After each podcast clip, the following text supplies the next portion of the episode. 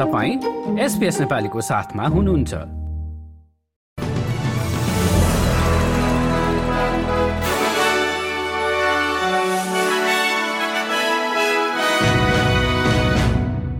नमस्कार आज मंगलबार दस अक्टोबर सन् दुई हजार तेइस। अब पालो भएको छ एसपीएस माझका प्रमुख समाचार छोटकरीमा सुन्ने। समाचार शुरू गरौं। मध्यपूर्वमा भइरहेको इजरायल र प्यालेस्टाइन बीचको द्वन्दले अस्ट्रेलियामा पारेको प्रभाव सम्बन्धी समाचारबाट। प्यालेस्टाइनको पक्षमा सिडनीमा भएका र्यालीमा जीविस विरूद्ध नाराहरू लगाइएको घटनाप्रति अस्ट्रेलियाका नेताहरूले निन्दा गरेका छन्।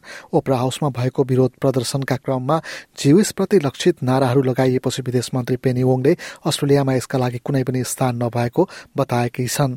यसै न्यू साउथ वेल्सका प्रिमियर क्रिसमिन्सले पनि यसलाई घृणित कार्य भएको बताए। हमास र इजरायलका बीचमा जारी द्वन्दमा हालसम्म सोह्र सय जनाको ज्यान गइसकेको बताइन्छ। यसैबीच अपुष्ट रिपोर्टहरूका अनुसार गाजा क्षेत्रमा बन्धक बनाइएका मानिसहरू मध्ये केही अस्ट्रेलियनहरू पनि रहेका छन्।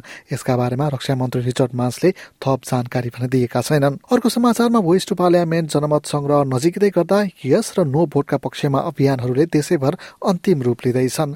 अस्ट्रेलियाको चुनाव गराउने निकाय इलेक्ट्रोल कमिसनले मतदान मतदाताहरूलाई सम्मानजनक रूपमा प्रस्तुत हुन आग्रह गरेका छन्। भिक्टोरियामा भने कमनवेल्थ खेल रद्द भएको विषयमा संसदीय समितिले आफ्नो छानबिनलाई जारी राखेको छ। भिक्टोरियाली प्रिमियर जसिन्डा एलनले कमनवेल्थ खेल रद्द गरिनु महिनौ अगाडि खेल कार्यक्रमका दौरान हुन सक्ने सम्भावित खर्चका बारेमा आफूले थाहा पाइसकेको बताएकी छिन्। यद्यपि उनले संसदलाई भ्रममा राखेको भन्ने कुरालाई चाहिँ इन्कार गरेकी छिन्। Department of jobs skills industry र रिजन्सले मार्च महिनामै बढेको खर्चका बारेमा जानकारी गराइसकेको बताइएको छ।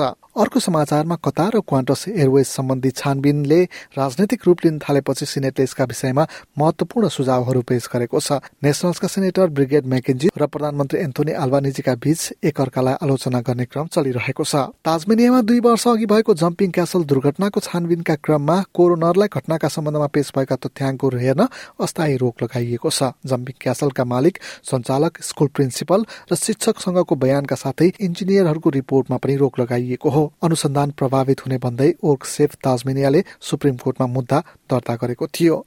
अब भने खेल समाचार युएफाले बेलायत र आयरल्यान्डले सन् दुई हजार अठाइसको युरोपियन च्याम्पियनसिपको आयोजना गर्ने बारेमा आधिकारिक घोषणाको तयारी गरेको छ। स्विजरल्याण्डमा हुने बैठकमा यसका बारेमा जानकारी गराइने बताइएको छ। हवस् त यसका साथै आजको एसपिएस समाचार यति नै। सुरक्षित रहनुहोस्। नमस्कार।